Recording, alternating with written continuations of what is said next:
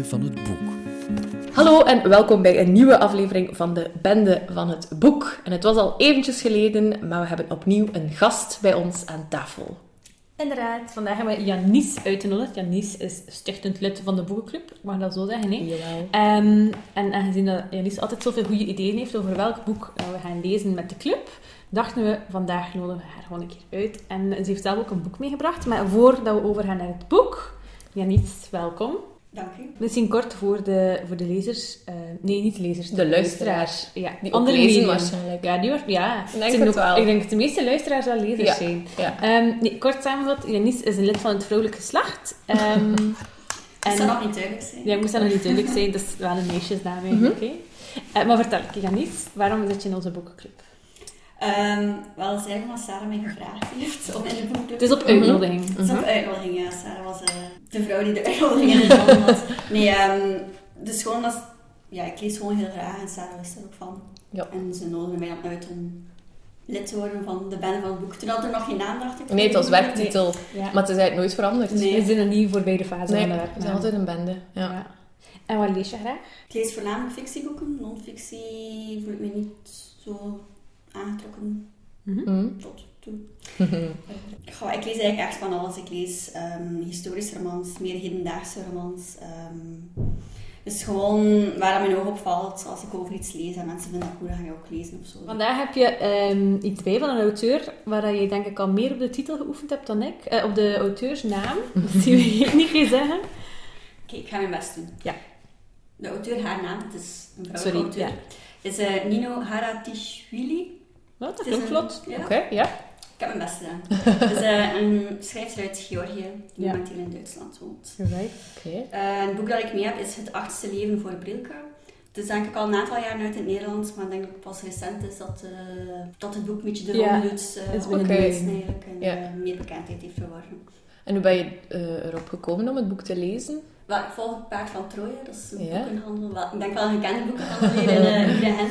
Eh, ik volg die op Facebook en ik denk begin dit jaar hadden zij een lijstje gepost met de beste boeken van Oké. 2017 volgens hen. Ja, En dit stond op nummer 1. Dus ik Oh, dacht, oké. als het Paard van Ah, Troje het goed vindt, dan Ja. zal het goed zijn. dat is ook ook vertrouwen in hem. Ja. Dus heb ik hem eigenlijk meteen gekocht. Oké, dan zijn we eh, benieuwd eh, wat je van het boek vindt. Eh, we zullen naar jou luisteren terwijl we zelfgemaakte vegan ijs eten. Hoe zot is dat? Het is eigenlijk simpel. Je moet gewoon een banaan in stukjes snijden, in de diepvries steken, eruit halen en dan blenden en dan nog andere fruit bij doen. En hopelijk is de blender nu niet kapot. Ja, daar twijfelen we een beetje Anders kunnen we misschien een, een soort van actie opzetten. Ja, dat mensen wie een nieuwe blender kunnen doneren. Ja, blender voor Sarah. Ja. Zodat ik nog meer vegan ijs We kan kunnen het ook zo noemen. Blender voor Sarah. Ja, voilà. We hebben dan een titel. Korte inhoud. Genoeg over kapotte blenders. Eh, wat is de korte inhoud van het achtste leven voor Brilka? Wel, het is een, ehm een familie-epos, historische roman, Ja. om het zo te omschrijven. Ehm, het is een zeer lijvig boek, dus het is tegen de 1300 pagina's. Oeh, maar het ziet er niet zo dik Nee, uit. Goeie Het er letters, dat waarschijnlijk. Maar ja, het ziet er zo Het ziet er 600 niet, pagina's ja, ja, het ziet er niet duizend pagina's Ah, uit. het is echt zo van de redelijk- Ja, Ja. redelijk dun papier. Het is wel leuk om te lezen. Zo. Mm. En het is ook met zo'n lintje. Ja, het is wel mooi, mooi voor mij. Oei, zit het op een belangrijke plaats, het lintje? Nee, het zit gewoon random. Oké, maar ik heb het toch niet. Oké, vertel verder. Ehm, dus het gaat over een familie uit Georgië.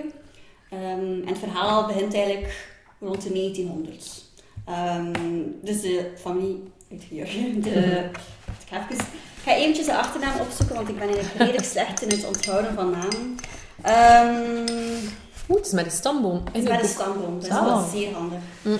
Ehm, het gaat eigenlijk over een familie van een chocoladefabrikant Oh. in Georgië. Ja. Er komt heel veel chocolade in. Oeh, Ehm, verkocht. Kunnen we lezen. En daar is eigenlijk het startpunt. Dus het start eigenlijk bij de dochters van een chocoladefabrikant. Mhm. En eh, het speelt eigenlijk af... Het verhaal start eigenlijk bij de opkomst van het socialisme in Rusland, maar ook in Georgië. Ja. En eigenlijk vandaar eh, gaat het verhaal eigenlijk verder. Ehm, het boek is opgedeeld in acht onderdelen. Dus ieder onderdeel volgt eigenlijk een familielid. Ja. Ehm, het verhaal speelt zich ook chronologisch af. Dat is een beetje de technische inhoud. Dus ja, een familie-epos. Ja. Het speelt zich... ey, de Sovjet-Unie en het communisme en al hetgeen wat daar rond gebeurt, is eigenlijk echt een groot onderdeel van dit verhaal. En dat vond ik ook wel zeer leuk eigenlijk, om daar meer over te weten. Ja. Want de Sovjet-Unie en het communisme, dat is allemaal zo'n beetje abstract gebleven bij mij. En je ziet zo allemaal die feiten en die nummers, maar je kunt je zo niet echt goed voorstellen hoe, wat dat betekent Mhm. voor die mensen. En dat boek maakt dat eigenlijk echt wel heel duidelijk. Ja. Ehm, en dat vond ik echt een van de sterke punten van dat boek. Ehm, voor de rest, ehm, ja, als je houdt van familieverhalen en, en geschiedenissen van families en zo, is dat ook zeker wel een aanrader. En tot, tot eh, welk jaar loopt het ongeveer? Wanneer eindigt het? Welke, is het hedendaags dat het dan wordt Ja, dus, afgerond? dus begin, rond, begin 20e eeuw en Ja. loopt zich echt af tot het nu. Dus, Dus meer dan 100 zeggen, jaar eigenlijk. Het is meer dan Oké. 100 jaar. Oh. Zou zeggen tot een aantal jaar terug of zo dat zich echt afsluit. Ja. Het verhaal wordt vertaald uit de ik-persoon. Dus eh, er is één lid uit de familie die Ja? het verhaal schrijft. En haar naam is, ik mag niet eens opzoeken, is eh Nitsa Yashi. Ehm, dat is eigenlijk deel 7 uit het boek, zo gezegd. Oké. Ehm, dus deel 7 van de acht familieleden die gevolgd worden. En Brilka is eigenlijk deel 8. Oké. En Nietzsche schrijft eigenlijk heel het familieverhaal op voor Brilka. Vandaar eigenlijk ook Nietzsche titel. Ah. Het achtste leven voor Brilka. En het achtste leven verwijst eigenlijk naar het achtste deel. En eigenlijk is het achtste deel nog onbeschreven, omdat Brilka eigenlijk haar eigen familie, haar eigen verhaal in de familiegeschiedenis nog moet schrijven en moet beleven. Schoon. Dus het heeft wel iets, iets, eh, Ja, iets iets poëtisch. poëtisch Ja. inderdaad. Ehm, maar in inhoud is echt heel moeilijk, want er gebeurt zoveel. Ja. Maar ik denk, de zaken die ik moet onthouden is eigenlijk ja, een beetje een historische roman. Ja.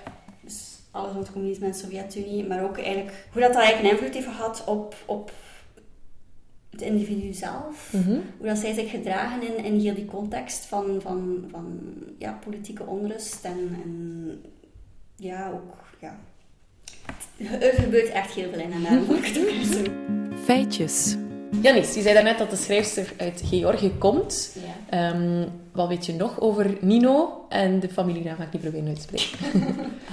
Ehm, ik weet dat ze momenteel in Duitsland woont, dat ze naar daar verhuisd is. En ik denk dat dat wel terugkomt in het verhaal zelf, omdat daar ook een personage eigenlijk verhuisd naar Duitsland. Aha. Voor de rest weet ik dat ze eigenlijk oorspronkelijk een ander idee had voor dit boek. Eh, ze gaan normaal gezien meer focussen op de jaren 80 en de jaren 90 in Georgië, maar omdat dat misschien niet zo interessant zou zijn of niet zo kenbaar zou zijn voor andere mensen buiten Georgië dan, is hij eigenlijk dieper teruggegaan in de geschiedenis en is hij gestart van bij eh begin van de 20e eeuw eigenlijk.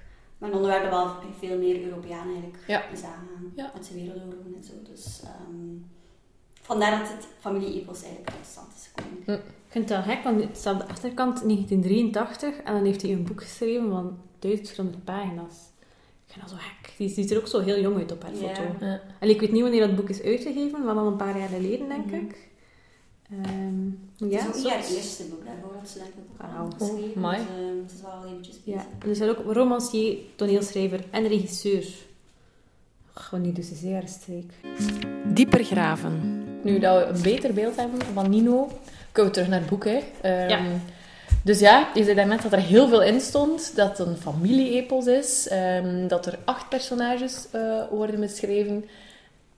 Ik ben benieuwd naar alle rest. Ja, bijvoorbeeld, wat ik me dan afvraag, als er zo heel veel verschillende verhalen zijn, welk deel is dan uw favoriet? Ehm, dat is zeer Of zo, waar heb je zo het meest van genoten? Het is zeer moeilijk omdat het is niet dat elk deel enkel dat ene personage volgt. Dus die delen Ja. vloeien wel aan elkaar over. De focus in dat deel ligt dan vooral op dat ene personage, maar ehm, het gaat niet enkel op dat ene personage. Het focust zich niet enkel daarop. Ja. En zijn ze allemaal zo wat in dezelfde vertelstijl? Of passen Ja, dat dus- ook zo dus- aan? Nee, het, is, het wordt echt geschreven, dus het verhaal wordt zelf geschreven door dat ene familielid. Juist, die. Ja. Ehm, dus het is echt wel haar manier van vertalen en haar stijl eigenlijk. Ja. Dus het is echt volledig geschreven in dezelfde stijl en zo. Wat dat ook wel makkelijk maakt. Ja, dat maakt het ook wel wat coherenter. Dat is waar. En ehm, ik dacht eventjes er op de achterkant te lezen, maar ik ben er niet zeker. Gaat het allemaal om vrouwen of komt er ook een man aan het woord? Er komen ook mannen aan het woord. Het is Ah, een ja. hoofdstuk die ook over een man gaat. Bijvoorbeeld hier Ko- Kostja Yashi. Ehm, maar het verhaal wordt wel gedragen door de vrouwen. De vrouwen hebben echt wel de hoofdrol. Ehm, en de mannen blinken zo wat uit in afwezigheid, denk Ja. ik. Ehm, maar er komen ook wel mannen in voor, dus het is echt niet puur een, een vrouwenroman. Alright. En die chocolade, hoe belangrijk is die chocolade? Die chocolade is wel heel belangrijk. Dat is echt zo'n dat ik horen. rode lijn door het verhaal. Ehm, dus blijkbaar die chocoladefabrikant, de naam van die man wordt eigenlijk Mhm. gezegd, dus ik weet eigenlijk niet hoe dat hij heet. Die, erop ehm, moet heet, in de stamboom de heet hij ook over- gewoon chocolade. Ja. de over-overgrootvader. Ehm die kon blijkbaar zeer lekkere chocolade maken. Mhm. En daar is er eigenlijk een beetje een vloek op, want wie dat er die chocolade at, kreeg eigenlijk een beetje onheil verwerken in het latere leven. Dat is wel een beetje de rode draad door het verhaal van als er iemand van de chocolade heeft geproefd, dan zal er wel onheil Oei, Ja. oei, amai, ik zou mega veel onheil hebben dan. Eh, dus zoals ik al zei, komen er echt heel wat vrouwen eigenlijk aan het woord. En, en zijn eigenlijk wel echt wel een beetje de dragende rol Mhm. binnen dit verhaal. Maar altijd een beetje op een negatieve manier. Het is like dat zij in vergelijking met hun man of hun vader of elk ander mannelijk personage in het verhaal eigenlijk, dat, dat zij meer in staat zijn tot zelfopoffering voor de Ja. familie. Dus dat zij zichzelf meer zullen wegcijferen, hun eigen dromen en idealen eigenlijk zullen vergeten. Eh, of op de achtergrond plaatsen, gewoon zodat eigenlijk hun kinderen of hun man Ja. eigenlijk het beter heeft en het goed heeft. Ehm, dus dat is mij echt bijgebleven. En daarnaast dan eigenlijk ook wel de gevolgen van het hele regime, eigenlijk echt op persoonlijk vlak. En, en wat ik ook zo goed vond, is dat er echt voor... Misschien is dat een beetje ongeloofwaardig, dat echt ieder personage een, een direct gevolg heeft ondervonden van dat, eh, van dat bewind. Maar ehm dat is voor mij wel een beetje een eye-opener van, van wat er eigenlijk in die tijd allemaal gebeurd is geweest voor vreselijke dingen. Dus... En is dat iets waar je in het boek een soort van evolutie in ziet? Dat vrouwen zich vroeger nog meer opofferden dan zo naar het heden toe? Of is dat nog in, iedere, in ieder verhaal zo een belangrijke...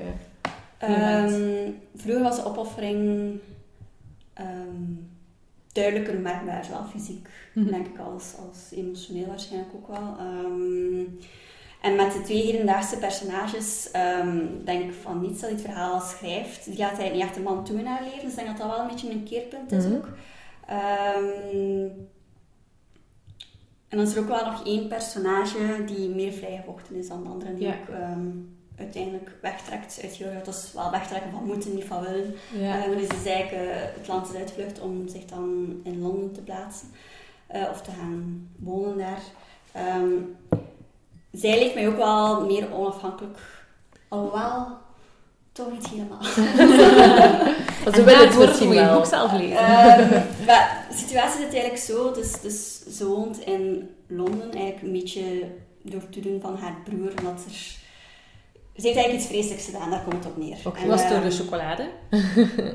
Misschien, want iedereen in het verhaal heeft van de chocolade gegeten. Dus eigenlijk Ah, zou oeh. iedereen in het verhaal wel Ja. heel ooit in zijn leven moeten... eh, Misschien hebben ze in eh, een klein leven ook allemaal te veel van die chocolade. Ah, ja. Ja, Misschien misschien is wel. dat nog een restje geweest. eh, Die is geweest naar New York. Ja. Ehm, dus ja, de situatie is eigenlijk zo. Dus er is, ze heeft eigenlijk iets vreselijks gedaan. Mhm. En eh, haar broer is eigenlijk een hoge bief Ja. binnen het Sovjetregime. Ja. Dus, en die kan dan niet, die kan dan niet jagen dat zijn zus eigenlijk echt een, een, een misdrijf heeft begaan. Oké. Dat hij daarmee gelinkt kan worden. Dus ehm, zij wordt eigenlijk uitgescheept, om het zo te Ja. zeggen, naar Londen. Wordt haar eigenlijk, nee, eerst wordt ze uitgescheept naar ergens een, ja, Een soort echt al die communistische... Bosnië-Herzegovina. Sorry, Ja, ik die het alleen maar van de is, Russen. Het is ook echt zot om te zien dat die geheime dienst Ja. daar Ja. werk ging, wat allemaal eraan toe ging. Ja, en uiteindelijk via een paar omzwervingen is dan in Londen terechtgekomen. Is Op de vlucht dan toch? Of ja, niet? wel, ja, ja. ze moest onderduiken. Dus broer heeft iemand binnen de geheime dienst, een vriend van hem, eigenlijk ter hulp geroepen om haar eigenlijk Ah ja, om Maar haar te beschermen. veilig. Ah, ja. Veilig dacht al land te dat de brengen. broer... eh, ja, Ja. nee. Nee, de broer ziet zijn zus wel graag, maar had toch zoiets van, ik wil daar niet meer, eh, Ja, ja. niet gelinkt worden, je hebt mij teleurgesteld. Oh, ik ben nu wel benieuwd. Dus, ehm, dus zij komt dan naar Londen terecht en dus die vriend van de broer ontfermt zich een beetje over haar. Ehm, en om de zoveel tijd gebeuren dan zo telefoontjes zo. Ze Ah. bellen naar elkaar en dat is dan, in het begin is dat zo vooral instructies van je moet daar blijven, of je moet dit doen, of je moet naar daar gaan. Spaghetti is na acht minuten al dente. Nee, daar ging het. Zo'n telefoontjes waren nu niet, nee. Ehm, maar duur wordt het dus allemaal meer persoonlijker en persoonlijker. En uiteindelijk hecht ze zich wel aan die telefoongesprekken en verlangt ze daar ook naar. Ja. Ehm, maar ik weet nu niet of dat, dat is door het feit dat dat nu een man is, of dat dat gewoon ja, waarschijnlijk niet denk ik dan in mijn ogen. Dat is gewoon ergens een herinnering aan haar Ja. oude leven in Georgië. Ja. Dat is eigenlijk haar enige band dat ze nog heeft met haar thuisland. Dat ze ook niet zoveel mag hey, vrij uitspreken over haar verleden natuurlijk. Ja. Dat ook altijd terugkomt naar haar. Ook al woont ze dan in het goede Westen, om het zo te zeggen. Ehm zij heeft nog wel een beetje die afhankelijkheid van een man, maar ik weet ook niet of dat teruggeleid kan worden naar diezelfde afhankelijkheid of diezelfde onderdanigheid ten opzichte van mannen Van de vorige- van, Ja. generaties. Ja. Want ja, ze zal misschien ook gewoon een beetje op zoek geweest zijn naar affectie. Eh, wel, die is dan ook wel gevonden bij Ah, ja. een andere vrouw. Dus, Aha, ehm, oké, ja. oké, ja. Ik denk dat ze lesbisch is, dat ze gewoon op zoek was naar Ja, een beetje warmte. affectie en Ja. genegenheid en eigenlijk iemand waar je tegen dat ze kon praten. En dat was dan ook wel een interessante vrouw bij wie dat ze haar affectie terugvond. Dat is eigenlijk eh, iemand die in de Tweede Wereldoorlog wel ehm, ja, eigenlijk ook heeft meegemaakt. En Ja. Ik weet niet of er echt een band heeft gevormd tussen hen beiden, waarschijnlijk wel. Er is een soort van herkenningspunt van Ja. al de misère die ze gehad hebben en zo. Dus allee, die verhaling was eigenlijk ook wel een van de... Van de ja. Ik wil niet dat het leuk was om te lezen, dat... Die is het meest bijgebleven. Het is Ja. meest bijgebleven. Ja. Ik denk die verhaallijn en dan ehm heb je ook nog een andere verhaallijn van een van de oudere personages. Het is een van de dochters van de chocoladefabrikant. Ik ga even mijn naam opzoeken. Ehm Christine. Ehm zij was blijkbaar een zeer mooi meisje en een zeer mooie vrouw. En uiteindelijk is zij dan getrouwd met ook zo'n Georgische, Sovjet-socialistische hoge pief binnen het systeem. Ehm, en daar is eigenlijk ook wel een beetje haar, haar, allee, haar kritisch vermogen, denk ik, zo'n beetje gewoon uitgeschakeld, omdat ze wel wist dat, Ja. dat hij daar aan verkeerde zaken eigenlijk aan toe ging. Ja. Ehm, maar uiteindelijk is hij ook wel zeer sterk gegroeid door het verhaal. Ehm, het is ook wel iets vreselijks gebeurd met haar natuurlijk, zelfs bij alle personages. Dus daar zijn nog altijd wel letterlijk de littekens van. Ehm, maar ze blijft wel doorgaan met haar leven en ze blijft ook wel inzetten voor andere mensen. Hm. En zich ontfermen over andere mensen. Dus ehm, dat was ook wel een zeer interessante verhaling. Mhm. En wie is Brilka dan? Dus ze zei daarnet, dat is de...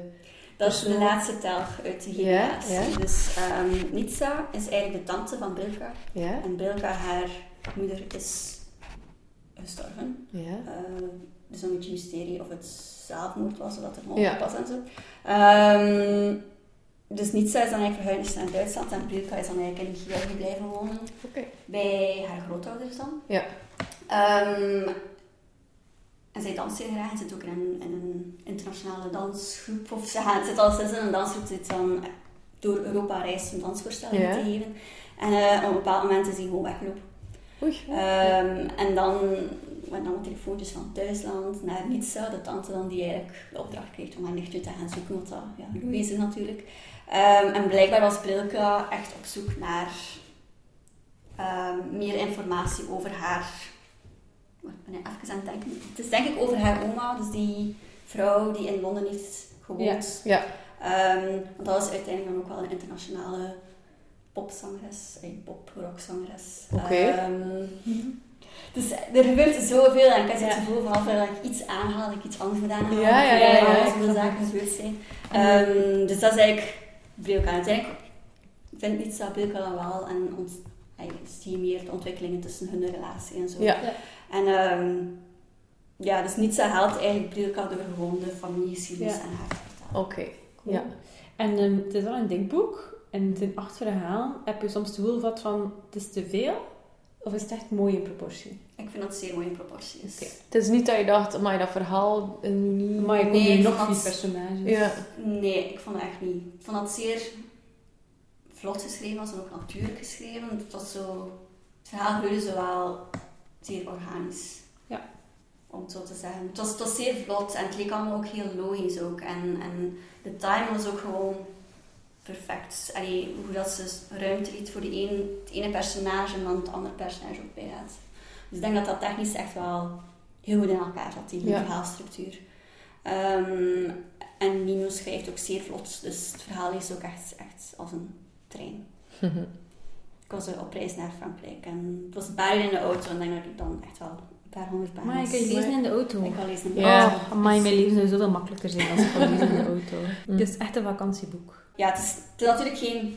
Zo... eh, Ja. Nee, maar ik bedoel, het is ook, maar het is echt zo bij echt een zo'n dik familie-epos vind ik het soms leuker om te lezen op vakantie, omdat je er dan zo meer in zit. Ja, Ja, Als je zoiets de leest, tijd om in iets te zitten. Door het jaar ga je misschien al je personage nummer 2 vergeten zijn tegen dat je een personage nummer 6 zit Ja. of zo. Ja.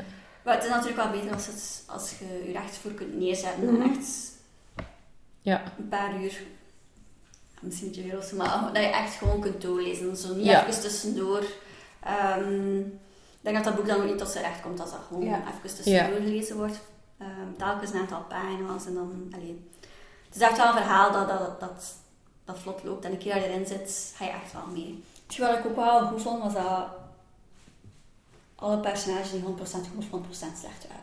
Ehm, Grijze personages. ja, dat, dat is voor mij ook het meest interessant, omdat het ook meer menselijk overkomt en niet zo geforceerd of Ja. in een hokje of zo. Ehm, het zijn echte mensen van vlees en bloed met echte gevoelens en echte... En sommige van deze personages en daden zijn, zijn ja, gewoon niet goed. Mhm. Maar ik doordat je zodanig eh, door, door het verhaal heen eigenlijk hebt leren kennen, kan je dat ergens al begrijpen waarom dat die zo zouden reageren in bepaalde situaties, wat, waarom dat die zo'n misdaad begaan en zo. Ehm, dus dat vond ik ook wel goed, dat je gewoon echt die ambivalente personages had. Ja, dat ze geloofwaardig Dat zijn. ze ook. geloofwaardig Ja. zijn en dat je daar echt, echt kon meeleven met hen. Ja. Oké. Ik denk dat we alle twee verkocht zijn. Ja, hè? Onderstreept. Soms heb ik zoiets onderstreept als ze dan... Maar je leest zoiets, en je ziet dan een situatie voor je, en dan handelen ze op een bepaalde manier, en is ze van... wow. Of, of denken ze zoiets, en, en is het echt zo, zo goed in woorden, of onder woorden gebracht, dat hij zich op dat moment voelde. Ja. Dus, Mhm. dus het gaat over... Kitty, dat is de wandelingen, om het zo te zeggen. Ja? Ehm, ze woont nog in Georgië bij haar thuis en haar broer, de hoge pief, binnen. Ja, eh, die een beetje wel beschermen, was het. eh, ja, maar ze komen dus totaal niet overeen. hè. Ah ja, oké. Ehm, dit gebeurde nog voor het ongeval, denk ik. Ehm, maar het is gewoon iets... Allee, ze heeft ook alweer zo iets, iets ernstigs meegemaakt, de gevolgen van heel dat regime. Ehm, en ik denk dat ze ergens ook een beetje haar broer verwijt, omdat hij dat regime steunt. Mhm. Ook al heeft hij er ook direct, of in directe lijn niets te maken met wat daar overkomen is. Ja. Ehm, dus ik denk dat ze hem gewoon niet meer 100% kan aankijken als een eerlijk mens. Ja. Het is nog wel altijd haar broer en ik denk dat er nog altijd wel iets van genegenheid voor zal zijn Ja. of zo. Maar allee, er is ergens echt wel een, Een breuk. een breuk tussen die twee. Ja. Ehm, dus nu is het na lange tijd dat de broer terugkomt van Moskou, of waar dat hij ook gestationeerd is naar huis. Ja. En eh, ze hoort hem dus toekomen en ze maakt zich eigenlijk klaar om hem te ontmoeten. Ze haalde diep adem om haar lichaam onder controle te krijgen. En voor ze de keuken binnenstormde, oefende ze een paar tellen haar oude ongeremde lach. En probeerde ze zich te herinneren hoe haar eigen stem had geklonken toen ze gelukkig was. Dat is echt zo. Mm. Als je dan weet wat er gebeurd is in het verleden, dan is het echt wel zo... Ben wel benieuwd. Ja. Slag in haar, ja. eh, echt een beetje slag in je eigen gezicht van... Oké, wow. Ja. Het zit diep. Ja, het is een, zo, een stukje dat zo die filosofische gedachtegang van de schrijfster meer heeft. Dat ze zo'n beetje kritiek heeft eh, op hoe dat zaken in het verleden zijn gegaan. Of hoe dat bepaalde mensen eigenlijk ja, nadenken over bepaalde zaken. Dat ze daar eigenlijk haar eigen mening en haar eigen visie over heeft. En zo'n zaken komen wel vaak terug in het, doorheen het boek. Mhm. Dus eh, als je graag onderlijnt, dan ik dat je plezier gaat aan beleven. Vroeger, toen ik ongeveer zo oud was als jij, Brilka, heb ik me vaak afgevraagd hoe het zou zijn als het collectieve geheugen van de mensheid andere dingen had onthouden en weer andere was vergeten. Als alle oorlogen en al die ontelbare koningen, heersers, leiders en huurlingen waren vergeten en er in de boeken alleen mensen waren overgebleven die met hun eigen handen een huis hebben gebouwd, een tuin aangelegd, een giraf ontdekt, een wolk beschreven of de hals van een vrouw bezongen. Ik heb me afgevraagd hoe we weten dat degenen van wie de naam voortbestaat beter, wijzer of interessanter zijn, alleen omdat ze de tijd hebben doorstaan. Want waar blijven degenen die vergeten zijn? We zijn aan het knikken voor de luisteraars. Ah ja, sorry. Ja, we knikken. We zijn onder de indruk. Ja? Nee, ik vind wel al die twee passages die ik nu heb voorgelezen, inderdaad zo... Ze pakken ze Ook al zijn wij tot... Alleen niet, niet echt mee in het verhaal. Het is wel zo... Oké, oh. Ik snap het.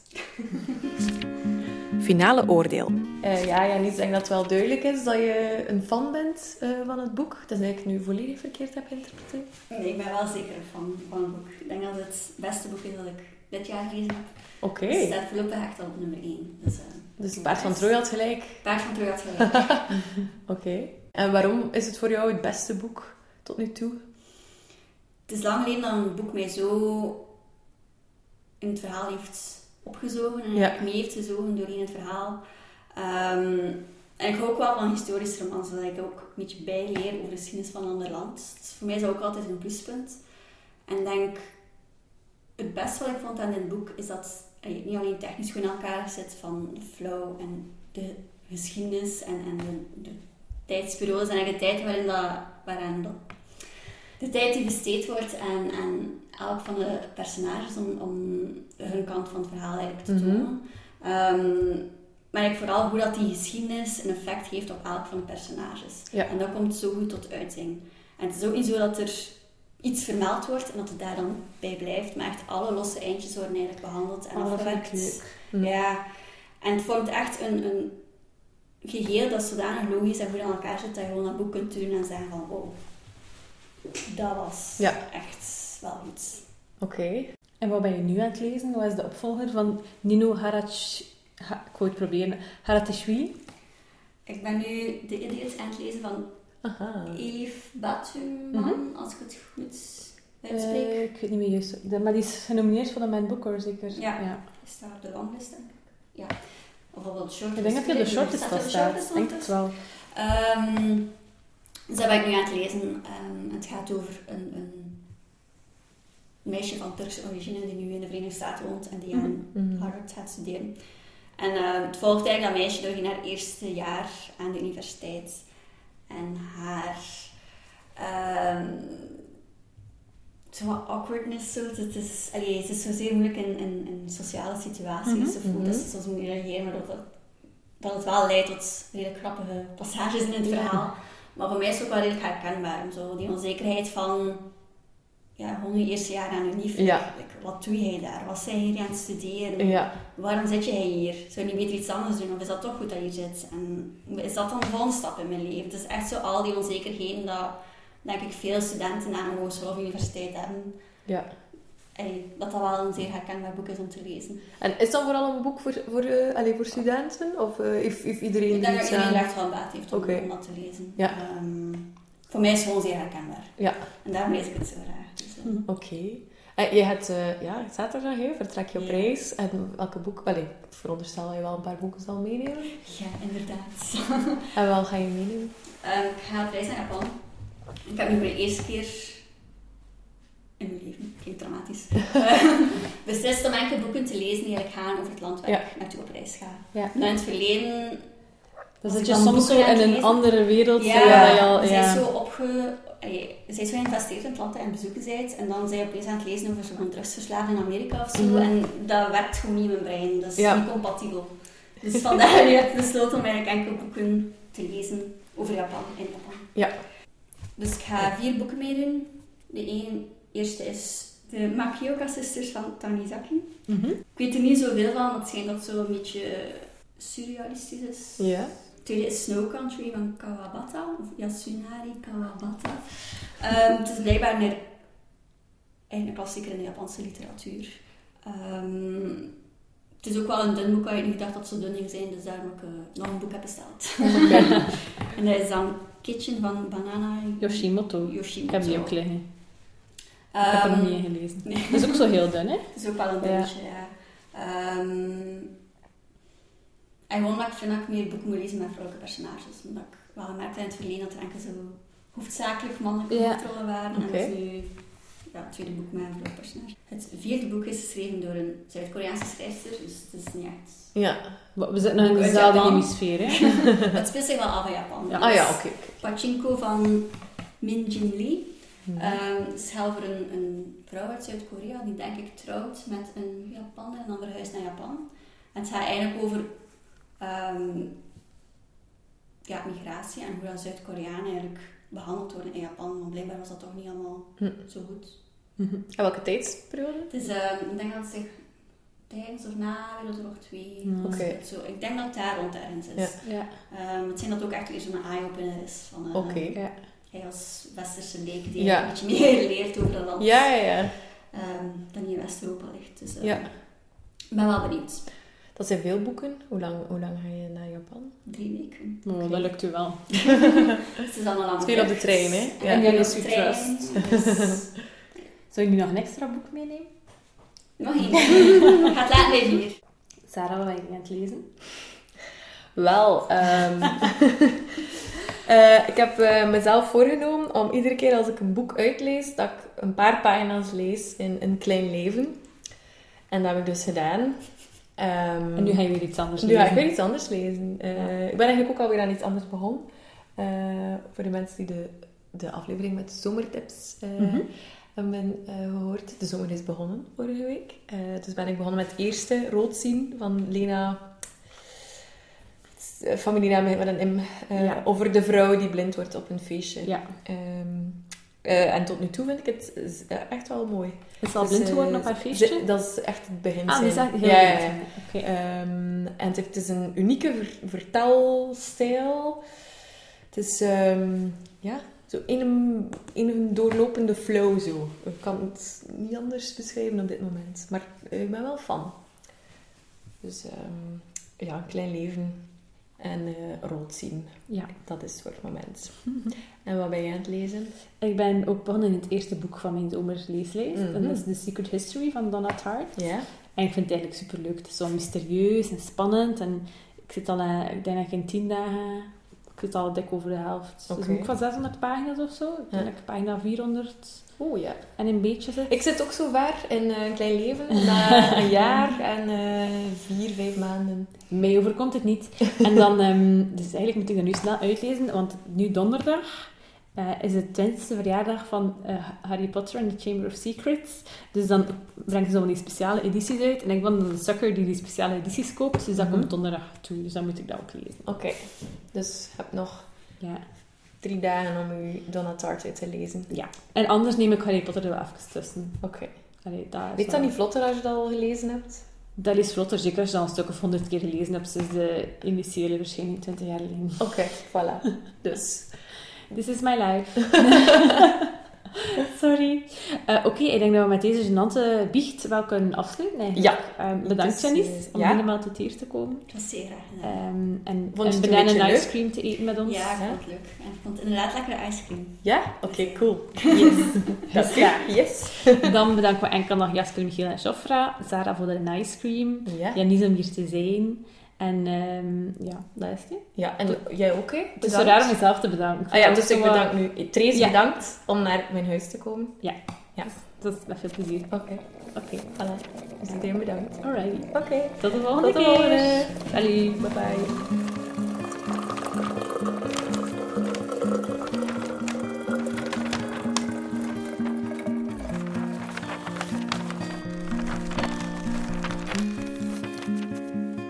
Van het boek.